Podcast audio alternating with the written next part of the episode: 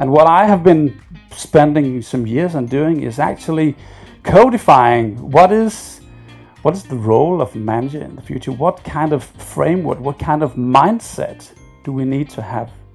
It turned out from my studies and what I've been doing with with managers over the years that it's not about having a codex that you can align to. There is no codex for management in the future. No boxes that you can take off.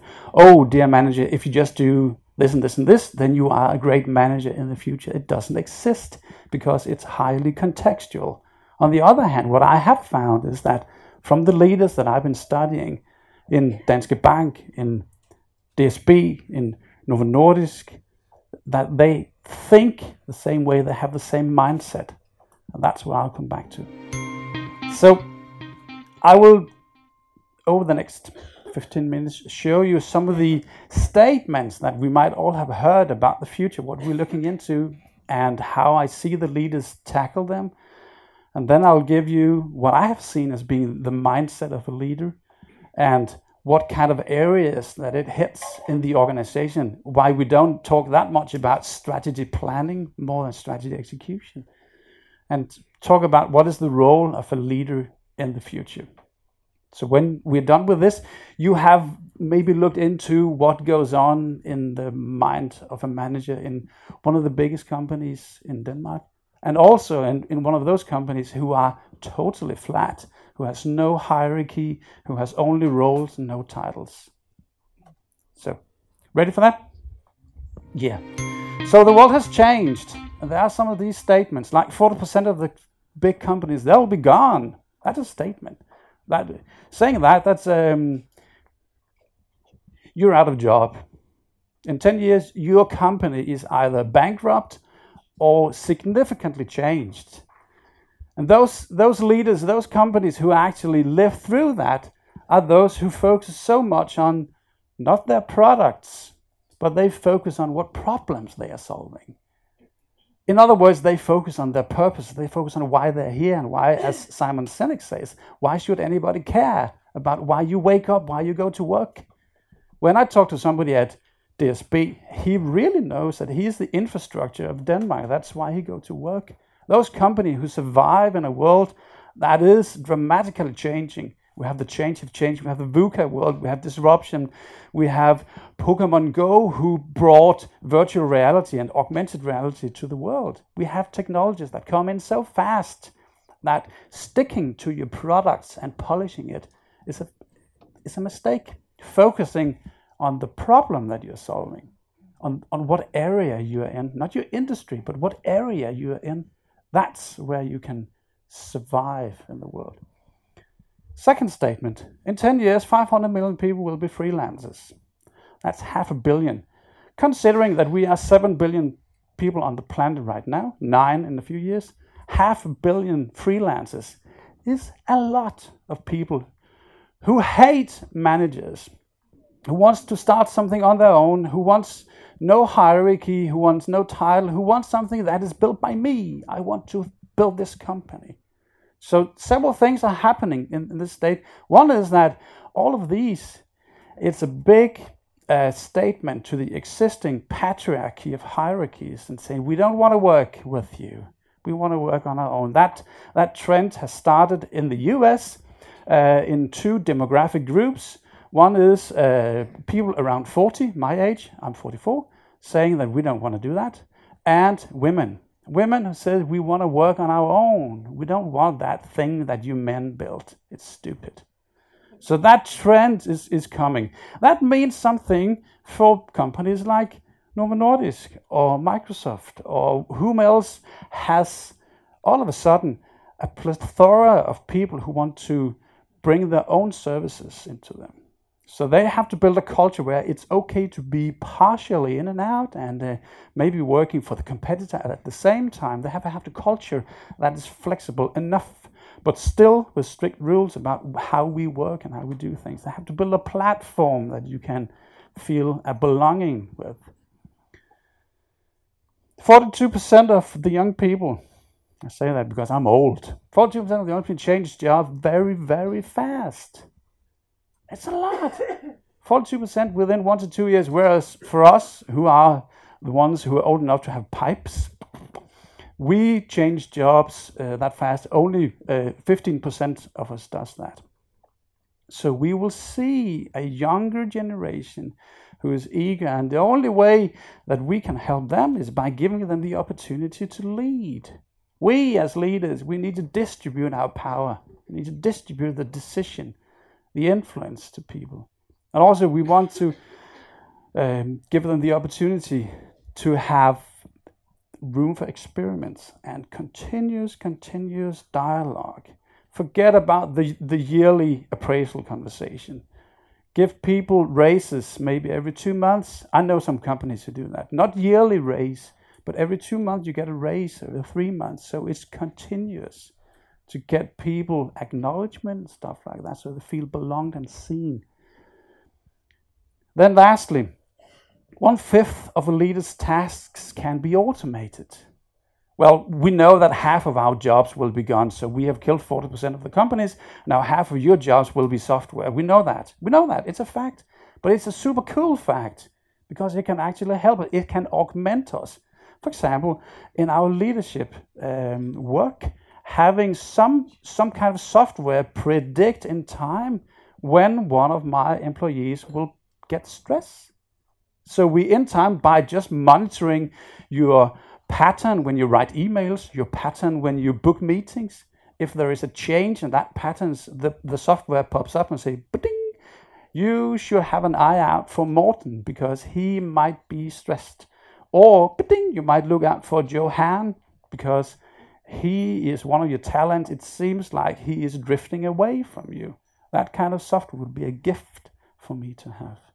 So it's a totally different world that we're looking into, and software that can augment our work as leaders is totally going to change the world, the way that we do it. So we are looking into a new workplace. This is the future of work, the future of people at work, and most of all, a new mindset for how we work. I see that if you want to stay relevant in the future, you need to do it differently. And relevance is in two angles here. One is that you're relevant to your employees, your most valued asset, your talents. How can you stay relevant to them? And secondly, how can you stay relevant in a marketplace that is in a turmoil of changes? The first thing is that there's something that you definitely leave. How many of you work in human resources? Okay, that name, human resource, Personally, I don't like it. Resources, that's like water, money, internet. humans, they are not resources. So there, there's something in the mindset of those who invented that term back in the 60s, 50s, 40s that we need to get away from. You're not a resource. You're a woman. You go to work, you have a place where you belong. It's not like you're somebody I can shuffle around in a Gantt chart. That's not the way that we think. We need to get away from that. We need to get away from focusing on our products alone. Because people who focus on products, they will be outcompeted by people who focuses on their problem solving. We need to get away from the top-down control and away from the planning because we cannot plan out of everything. Plan will will fail in the in the face of execution. Forget about working only on simple solution and job and tasks, and forget about keeping things private you don't need to know it all because then you can get too many ideas and uh, then I cannot lose, uh, then I might lose my control of you. So you will only get to know what I think that you should know so I can control you. And the term I go to work, that will be replaced by a term that's called I belong here. I see that those companies who thrive and survive in this totally changed world are those who think and act in that way they say, well, not human resources, but people and culture. And the new chief people and culture officer will have to report to the CEO, of course. Every time you think strategy, every time you think products, every time you think marketing, you also think people. Not human resources, but people. And we need more problem solving focus and delegation and mandates because you, as manager, it's it's wrong to say that you can know it all. You're not Mr. Know It All. Well, maybe you were um, promoted from being a specialist to project manager. and then maybe you might be promoted from being a project manager, being a, a, manager or leader or top leader, and then at some point you will hit some kind of plateau where you are incompetent. You heard of that before. you are being promoted into in, incompetence, as people say. It's called the Peter Principle. Focus on experiments. We don't know what's going on out there. We cannot plan everything. We need to experiment. We need complex thinking, creative thinking, exception based work, because all the things that are simple we put that into software, put that into robots. We need extreme transparency and the feeling of I belong here. That's the workplace that I look into. That's what I see at Danske Bank. Yeah, we, we all heard, heard the stories about laundry and all that. But I, I, I see the spots in, in Danske Bank in Ørsted, where I just was today, where people really, really think they belong because they have a manager, they have a team that really cares about who you are and why you go to work, that you, we fight for something that is bigger than ourselves. How does, sorry, but how does that respond with the 42% of the millennials that will change jobs in one to three years? Like, do they still want to have that sense of belonging or are they outside of it? So, the question was uh, referring to the 42% of millennials who, who changes job fast. Does this resemble with you? The, the answer is totally yes. Totally yes. I can see those people who, the younger gen- generation, that we give responsibility and say, I really trust that you can do that. You may have never done this marketing campaign before, but you want to. Okay, good. I am your hand in your back. I will help you. So we will have frequent touch points. If I work with my dad, he will have a tail every second year. That's nothing. But when I work with my son, we need touch points every day, every hour maybe, because he, he has to grow into a new role. It totally fits with it. I can see that. I can see in in Danske Bank the, that that in some of the areas they they have a retention that is extremely high. People go in but never go out because they just want to be there. They feel that they belong. It's so powerful. So there are five principles for the for the future that these leaders that they they work with. Number one, people first. It's on top of their mind every time. Um, Google has uh, eight rules for a manager. The first seven is about people. Only number eight is about you have to know some technical shit. But the first seven rules when you are a manager in Google is about people, people's success, under, understanding how we can make people better. It's tremendous. The world's second largest technolo- technology company has people, people, people all over. And the fun part, it's, it's not customers first. It's not employees first. It's people. Even though that we are competitors, I want to know who you are. You are a fan of uh, FCK, you have a golden retriever, you play handball, stuff like that. That makes me understand who you are as a person. Not just a name tag, but you're a person. Second rule, we need to know why you're here. Those leaders that I see thrive and survive this, they know damn well why they're here, what problem they're solving, what purpose they are fighting for. And they understand how to create meaning because having a purpose is not the same as dribbling that out to everybody. Purpose scales really, really bad. It doesn't scale unless you understand how to create meaning and how to make sense and how to focus on the value creation that you do also. Then they are also continuously innovating. They experiment with products and processes and with virtual reality and artificial intelligence and Internet of Things, and they are innovative with their own leadership, how they do it themselves, like having software for handling their weekly um, employee happiness measurement and coming with good advice. I've had one. I've had a piece of software hired in in my company for a year to help me it was my HR department, $120. Um, funny. That actually helped me understand what goes on in my company. Number four, this is not just all um, mindfulness and happiness, it's also about business. Those leaders, they set a lot of people free, but they are so eager on getting results. They are so, they have an insatiable drive for getting things done. They make a lot of money. And the fifth rule, and also see it, well, I'm not the only one who can do this. They distribute power out. They make everybody take the lead. Oh, sorry. everybody has the possibility to take a lead in this world. These are the five rules that I see people work by. And with that mindset, it then hits the five areas of the future of work. And these five areas then changes, like strategy changes into purpose and direction. Uh, anybody from Danske Bank today? Good. Um, Thomas Borgen very nicely says this is our current strategy ish. This is our best guess right now. And then we execute. And then when we learn something new, then we change it. You cannot plan and execute by the plan in this world. You can have a direction and then you can have a tactical execution that is agile enough to understand when to move and when to change. That also means that innovation is something that you do everywhere.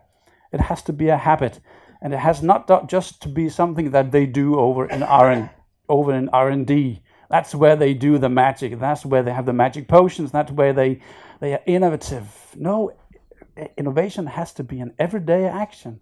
It has to be small parts like lean, or it can be huge transformational, radical changes everywhere. But that's something that you have to train everybody to. You have to have a, a viscous culture, a culture that is strong enough, not fluid, but strong enough to say, this is how we behave in our company. So you and you, I invite you in. You have a place right here.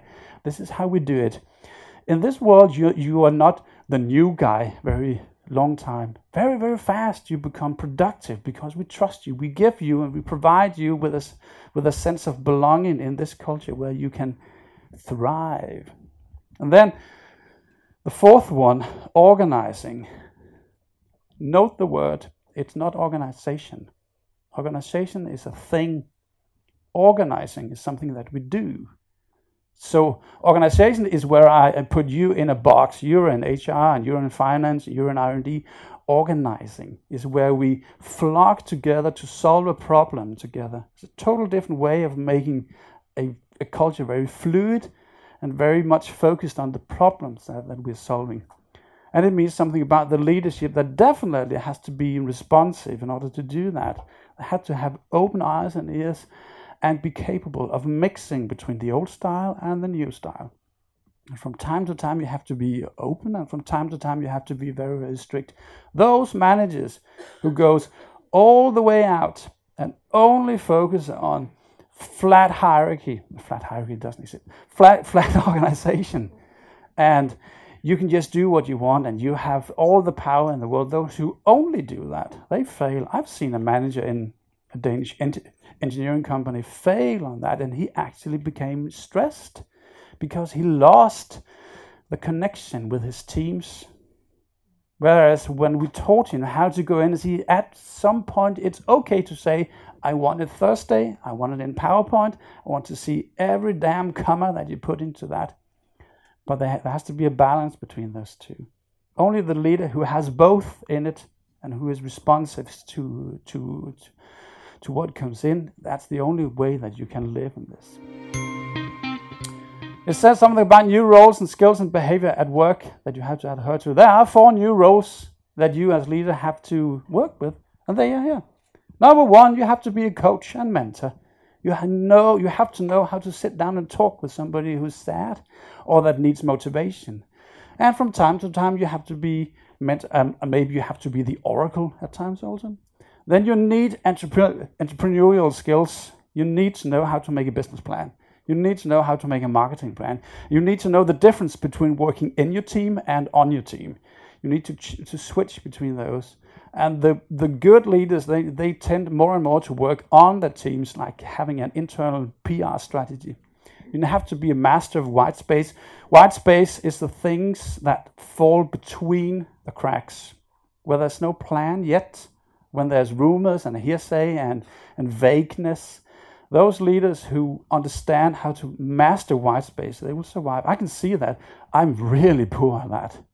But I can see the leaders who, who master that, they will survive. And then you have to be a gardener of the ecosystem around you, not just, not, not just managing upwards, that's the easy part, or managing downwards, that's the second easy part, but managing in eye height, managing to your peers, managing across the organization, those who understand what kind of network you have, they will live. And then number rule five, number the fifth rule, you cannot see that everybody. There's a line in the bottom. It's nice to see your head bob. this applies to every kind of leadership. A product leader, a leader of a specialist skill, a leader of whatever, that every time you take responsibility of something or somebody, this applies. It's not just about HR leadership or line management. And then it's the last thing about what kind of behavior that I can see that that they have these these guys and girls. Number one, they know why we exist. The behaviors that they all time focus about what's the purpose of what we're doing, what's the meaning of what we're doing, and they have it at, at number one when they start the meeting the, the, the meetings. This meeting is because so so, and our companies because this is what we do. Then they challenge status quo all the time. Also, what they do themselves, and they encourage people to do that. They ensure a lot of dialogue, a lot of delegation to make people, uh, to, to let people have the possibility to actually run with things that they, they would like to focus on collaboration and innovation and experiments. They go in the lab very, very often. They focus on roles. Note they don't focus on titles. They don't care about titles. They care about who you are, what you can bring to the table, what can you execute, what value can you provide. They measure the right things, not only money, but they also measure social capital, they measure value creation. And at some point, it actually has a connection with the CSR thinking. But they actually want to measure do we do the right things? And then they say, okay, something about feelings. They are role models on emotional intelligence and they, they measure themselves on that. And the last thing that they they thrive with uncertainty. And this is what is was really, really hard for people to say, this is this is uncertain. I don't know what you're gonna do next year. I don't know what's gonna happen with our company. We have a guess. And that guess, the only way that we can handle guesses is by looking at experiments. And we take chances and then we test things.